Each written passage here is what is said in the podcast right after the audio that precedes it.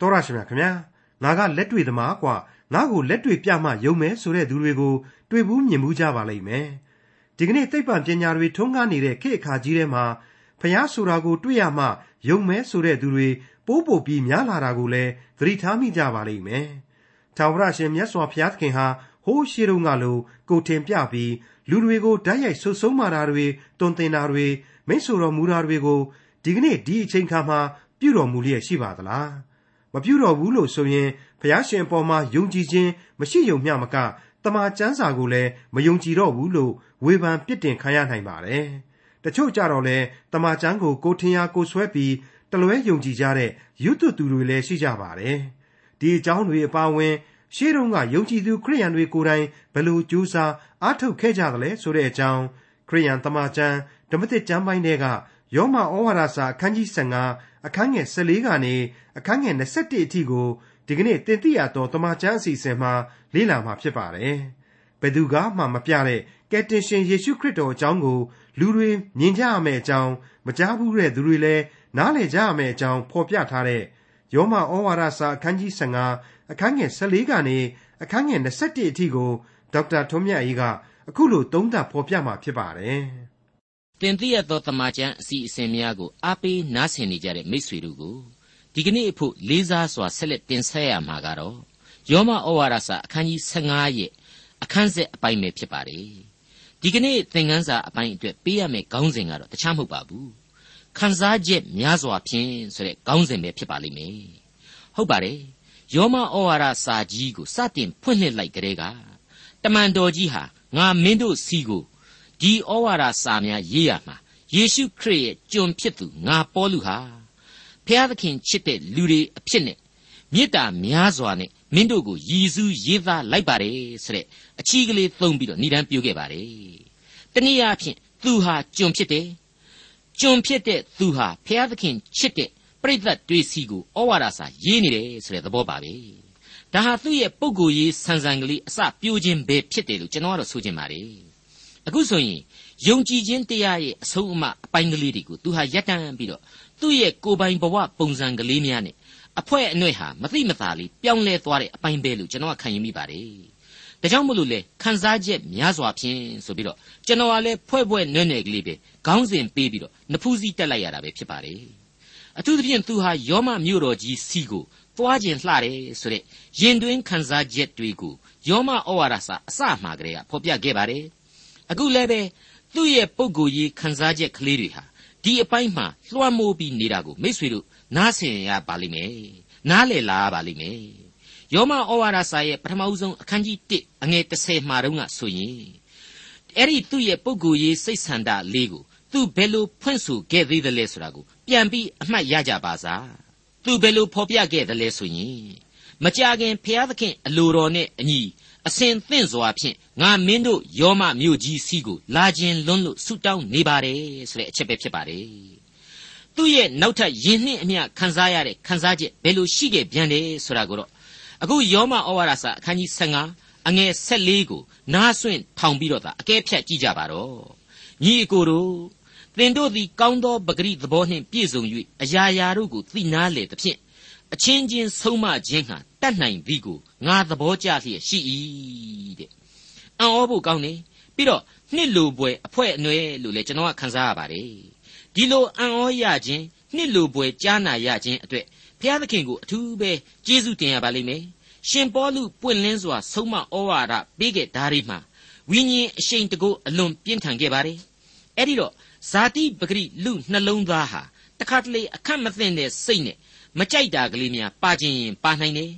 အဲ့ဒီလိုဆုံးမဩဝါဒများကိုသူဟာပွင့်ပွင့်လင်းလင်းနဲ့မထောက်မညှဩဝါဒပြုခဲ့ခြင်းများကို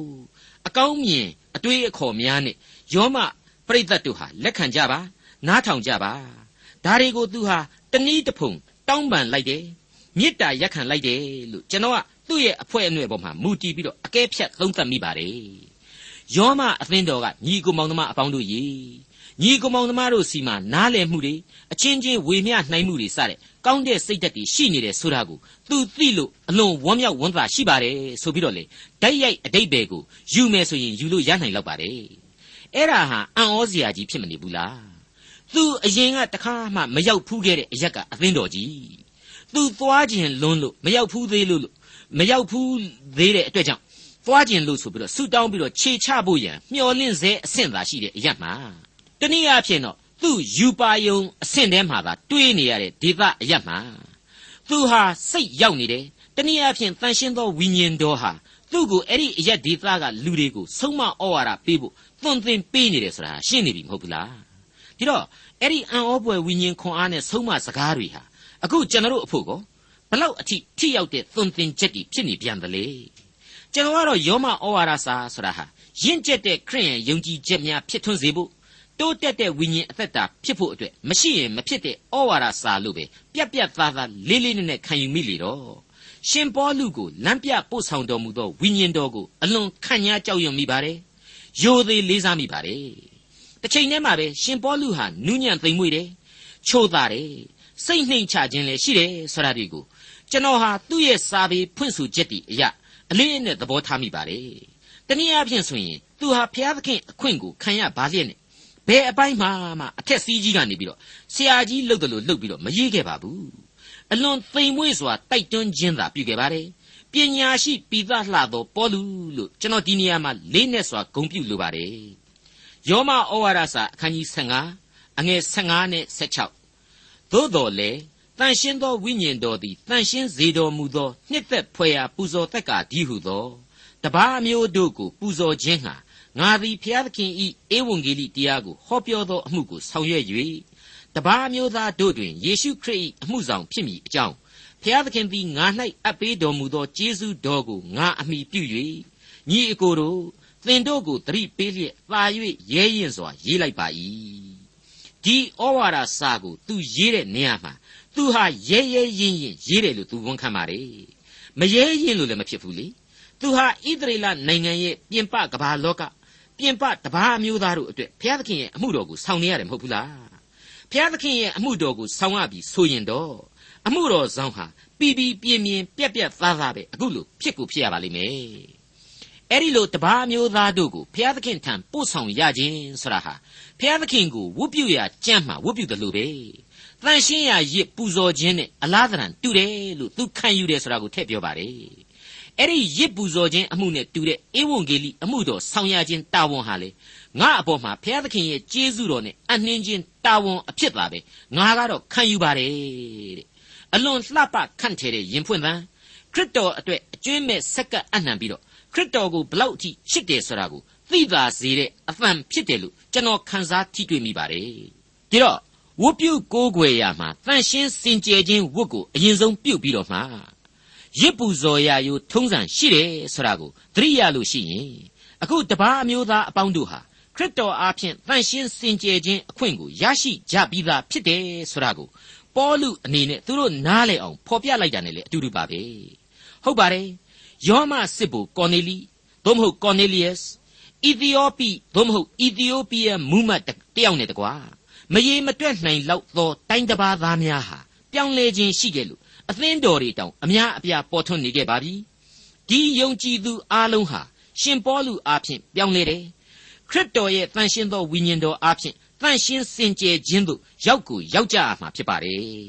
ယောမဩဝါဒစာအခန်းကြီး15အငယ်9အငယ်18ထို့ကြောင့်ဖျားသခင်နှင့်ဆက်ဆိုင်သောအရာတို့၌ငါသည်ယေရှုခရစ်ကိုအမိပြု၍ဝါကြွားဝမ်းမြောက်ခြင်းအကြောင်းရှိ၏ပေါလုဟာခရစ်တော်ရဲ့တန်ရှင်းသောဝိညာဉ်တော်အားဖြင့်တမန်တော်အမှုကိုဆောင်ရွက်တယ် ဒီဩဝါဒစာကိုရေးသားတယ်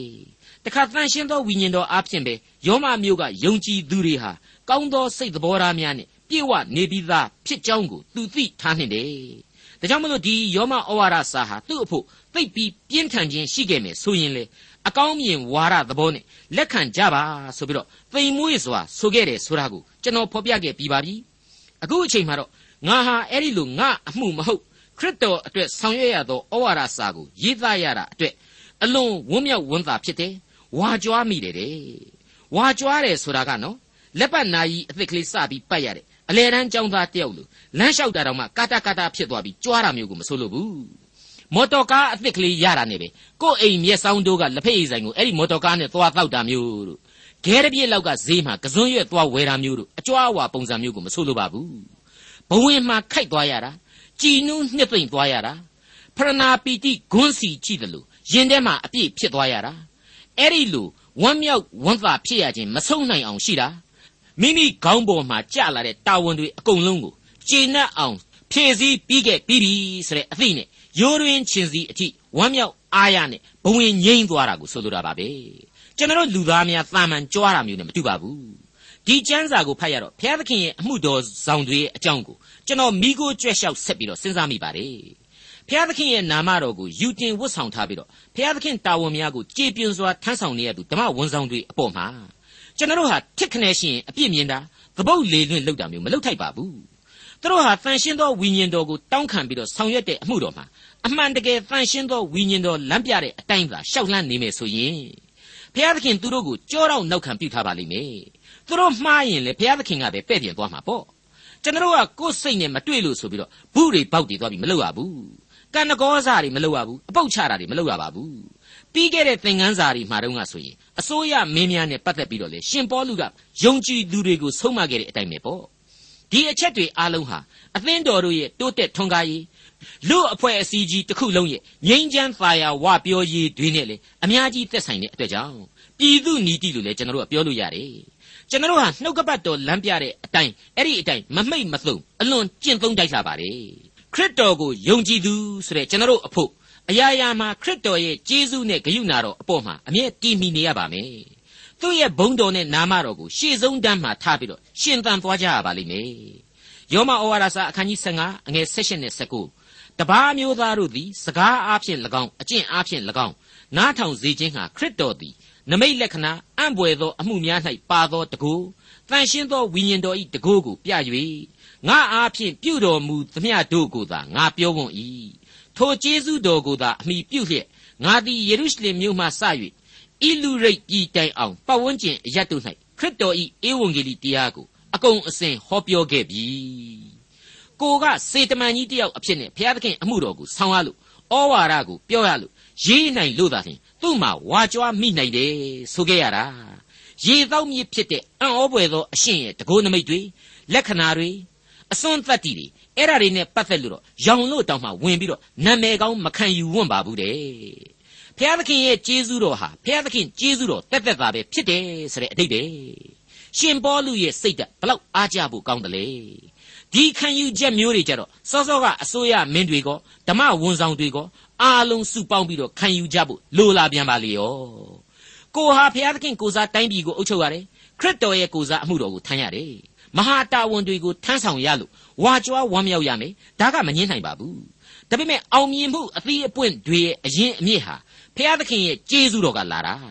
ဘုံတကိုးတော်ကနေလာတာဆိုတာကိုအကျွင့်မဲ့လက်ကိုခံကြရလိမ့်မယ်တမန်တော်ဝတ္ထုမှာကလေးကကျွန်တော်ရှင်းပြခဲ့ပြီးပါပြီတမန်တော်ကြီးအပေါင်းတို့ကိုတန်ရှင်းသောဝိညာဉ်တော်ဟာ အခုကျွန်တော်ရယူနိုင်စွမ်းမရှိတဲ့အေယာမအစွန်းတတ္တိဒူးတွေပေးခဲ့ပါတယ်အဲ့ဒီအချိန်မှာဓမ္မသစ်ရဲ့နှုတ်ကပတ်တော်တွေဟာရေးသားပြီးစီးခြင်းမရှိသေးပါဘူးနှုတ်ကပတ်တော်ဟာလည်းအခုခေတ်မှလို့များပြားစွာပြန့်နှံ့ခြင်းမရှိနိုင်ခဲ့သေးပါဘူးဘယ်လိုလုပ်ပြန့်နှံ့မလဲ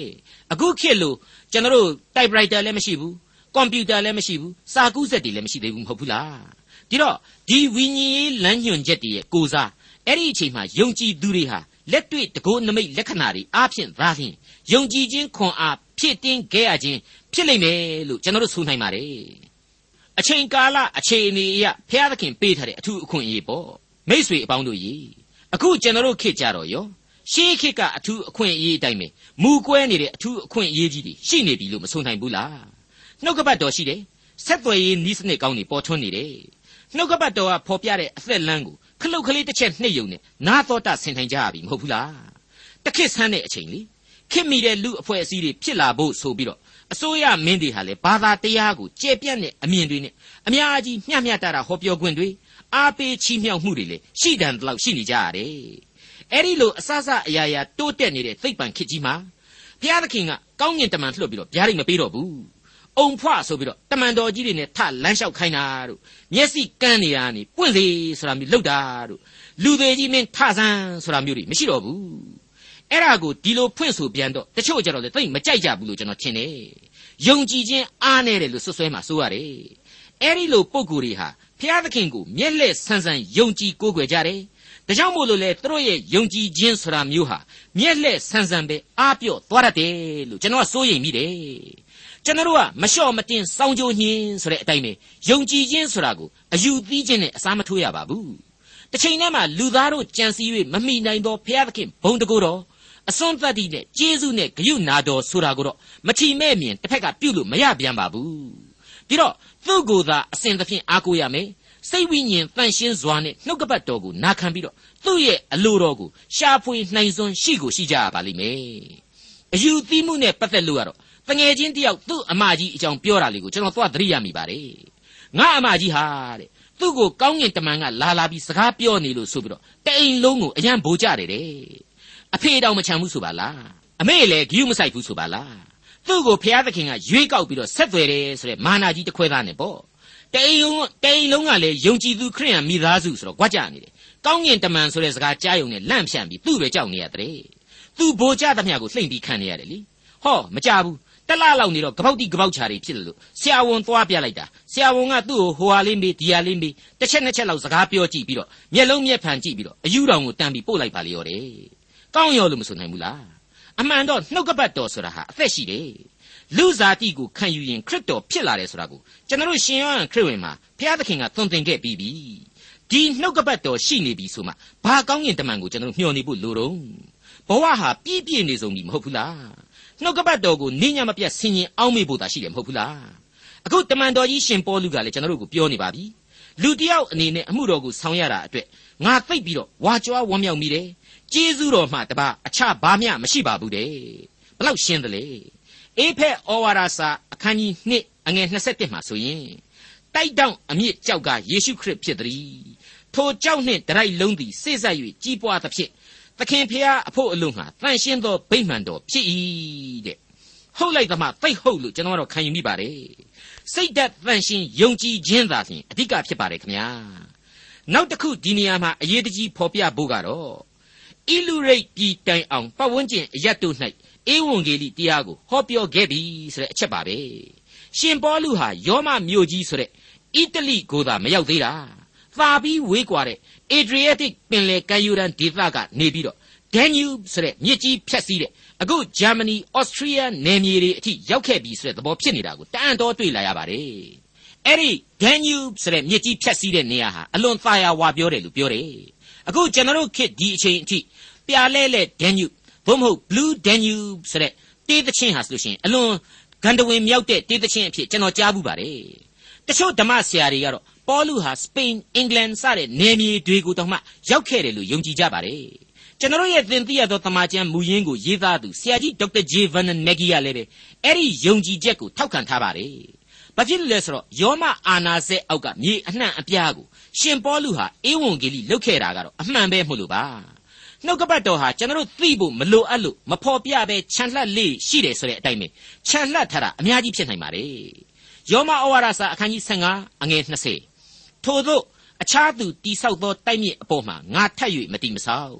ခရစ်တော်ဤနာမကိုမကြားဘူးသောအရ၌ဧဝံဂေလိတရားကိုဟောခြင်းဟာစေရနာစိတ်နှင့်ငါကြိုးစားအားထုတ်လိရှိ၏ဒီအချက်ဟာတမန်တော်ကြီးရှင်ပေတရုအားဖြင့်တတ်မှုကော်နေလိအီသီယိုးပီးယားမူမတ်ဆိုတဲ့ဝန်ကြီးအဆင့်ရှိသူတူစတဲ့အများအပြားသောလူတွေယုံကြည်ခြင်းရခဲ့တာဟာငါကြောင့်မဟုတ်ဘူးငါနဲ့အတူအမှုတော်ဆောင်ခဲ့တဲ့ရှင်ပေတရုတို့ ဖိလိပ္ပုတို့ရဲ့အောင်မြင်မှုဆောင်ရွက်ချက်တွေသာဖြစ်တယ်ဆိုတာကိုသူဝန်ခံလိုက်ခြင်းပဲဖြစ်ပါတယ်နောက်တစ်ခုကတော့ခရစ်တော်ရဲ့အလင်းတရားကိုရရှိထားပြီးသောအယက်ဒေသတွေမှာမလိုအပ်လို့ငါသာသနာမပြုတ်ခဲ့ဘူးအရေးကြီးနေတဲ့ခရစ်တော်ကိုအရှင်းမသိသေးသူတွေအတွက်သာငါဟာအမှုတော်ဆောင်ခဲ့တယ်ဆိုတဲ့အချက်ကိုလေသူတနည်းတလန်းအဖြစ်ဖွင့်ဆိုလိုက်ခြင်းဖြစ်ပါတယ်ဟုတ်ပါတယ်ယုံကြည်ခြင်းတရားကိုအခြေခံအရာလက်ခံပြီးပြီဆိုရင်အဲ့ဒီအရာမှာအခြေခံအရာယုံကြည်ပြီးသူတွေအပေါ်မှာ အပေါ်ယံရွှေမုံကျဲတဲ့သဘောရောက်အောင်သာသနာထပ်ဆင့်ပြုဖို့မလိုတော့ဘူးလို့အကြံပြင်းသတ်မှတ်ရမှာဖြစ်ပါတယ်။ယုံကြည်ခြင်းအခြေခံရှိနေပြီမဟုတ်ဘူးလား။အချင်းချင်းဖေးဖေးမမဆောင်ရွက်ကြရမယ်။ယုံကြည်ခြင်းခွန်အားတိုးပွားအောင်ဝိညာဉ်တော်ကိုဆက်လက်ရှာဖွေကြရမယ်။ဆုတောင်းလှုပ်ဆောင်ကြရမှာလည်းဖြစ်တယ်လို့ကျွန်တော်မြင်ပါတယ်။ဆိုလိုရင်းကတော့သင်အုပ်ဆရာမလိုတာဓမ္မပညာရှင်မလိုတာကိုမဆိုလိုပါဘူး။သာသနာမပြုတ်ရသေးတဲ့အရက်ဒေသအသစ်ကိုသာရှာဖွေအလုပ်လုပ်သွားကြရမှာဖြစ်ပါတယ်။ တမန်တော်ကြီးရှင်ပေါလုရဲ့အသက်တာမှာပြန်ပြီးကြည့်လိုက်ရင်သူသာသနာပြုခဲ့တဲ့အရက်တွေကိုတပတ်လှည့်ပြီးကြည့်ရှုပြုစုခဲ့တာတွေရှိပါတယ်။ဒါပေမဲ့အများအားဖြင့်စွန့်စွန့်စားစားနဲ့ခရီးစဉ်အသစ်တွေသာစပြီးသွားတာကိုတွေ့ခဲ့ရပါတယ်။ဒါကြောင့်မို့လို့လေရောက်လေရအရက်မှာဘသူကမှပန်းကုံစွတ်ပြီးကြိုဆိုတာတို့မြို့ဝန်မင်းတွေကဂုံပြုတ်တက်ခွဲနဲ့ကြိုဆိုတာတို့ကျွန်တော်တို့မတွေ့ရပါဘူး။အများအားဖြင့်အဲ့ဒီခေတ်ကယောမပလိတ်တွေကစောင့်ဖမ်းပြီးတော့ထောင်ထဲထဲတာများတာအများအားဖြင့်တွေ့ခဲ့ရပါတယ်။ ယောမဩဝါဒစာအခန်းကြီး15အငယ်21ထိုသောနှင့်အညီကျမ်းစာလာသည်ကားထိုသူ၏အကြောင်းကိုအဘယ်သူမျှမပြဘူးတော်လေသူတို့သည်မြင်ကြလိမ့်မည်မကြားဘူးသောသူတို့သည်နားလည်ကြလိမ့်မည်ဟုလာသည်ဒီနေရာမှာကျမ်းစာမှာဖော်ပြခဲ့တဲ့အတိုင်းဖြစ်ကိုလာရတယ်ငါဟာတကယ်တော့ဘုရားသခင်ရဲ့အလိုတော်လမ်းစဉ်ကိုချပြခွင့်ရရှိသူအမှုတော်ဆောင်သာဖြစ်တယ်လို့ဆိုလိုက်ခြင်းဖြစ်ပါတယ်ဒီကျမ်းကိုဟေရှာယအနာဂတိကျမ်းအခန်းကြီး 52အငယ်15မှာပရောဖက်ဟေရှာယရဲ့အနာဂတ်စကားအဖြစ်ဘုရားသခင်သုံးခဲ့ပါသေးတယ်။ထို့အတူသူသည်အများသောလူမျိုးတို့ကိုတန်ရှင်းစေလိမ့်မည်။ရှေ့တော်၌ရှင်ဘရင်တို့သည်မိမိတို့နှုတ်ကိုပိတ်၍နေရကြလိမ့်မည်။သူတပားမပြဘူးသောအရာကိုသူတို့သည်မြင်ရကြလိမ့်မည်။မကြားဘူးသောအရာကိုလည်းနားလေကြလိမ့်မည်ဆိုတဲ့ဖော်ကျူးချက်ပါ။ဟုတ်ပါတယ်။ဘုရားသခင်ဟာလူစားတိကိုခံယူပြီးတဲ့နောက်ကယ်တင်ရှင်သခင်ခရစ်တော်ဆိုတဲ့သားတော်အဖြစ်လူပေါင်းလောကမှာ လူအုံနှောက်နဲ့မမျော်လင့်နိုင်တဲ့အပြောင်းအလဲကယ်တင်ခြင်းကျေးဇူးတော်ကိုချထားပေးခဲ့ပြီးပါပြီအဲ့ဒီအေယာမအပြောင်းအလဲကြီးဟာလောကမှာအထွတ်အထိပ်ဆိုတဲ့ရှင်ဘရင်တွေကိုတောင်မှဘာဆိုဘာမှမပြောနိုင်ပဲကြောင်တောင်တောင်ငေးပြီးကြည်နေရတဲ့အထိကြီးမားတဲ့အပြောင်းအလဲကြီးဖြစ်တယ်ဆိုတာကိုခရစ်တော်မပေါ်ခင်နှစ်ပေါင်း600ခန့်ကလေးကကြိုတင်ဖော်ပြစေခဲ့ခြင်းပဲဖြစ်ပါတယ်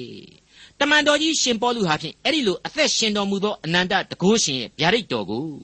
ဖြည့်စည်း ဖြည့်ဆွက်ပေးရသောမဟာသူရဲကောင်းတစ်ယောက်အဖြစ်ကျွန်တော်မှတ်တမ်းတင်လိုက်လာပါတယ်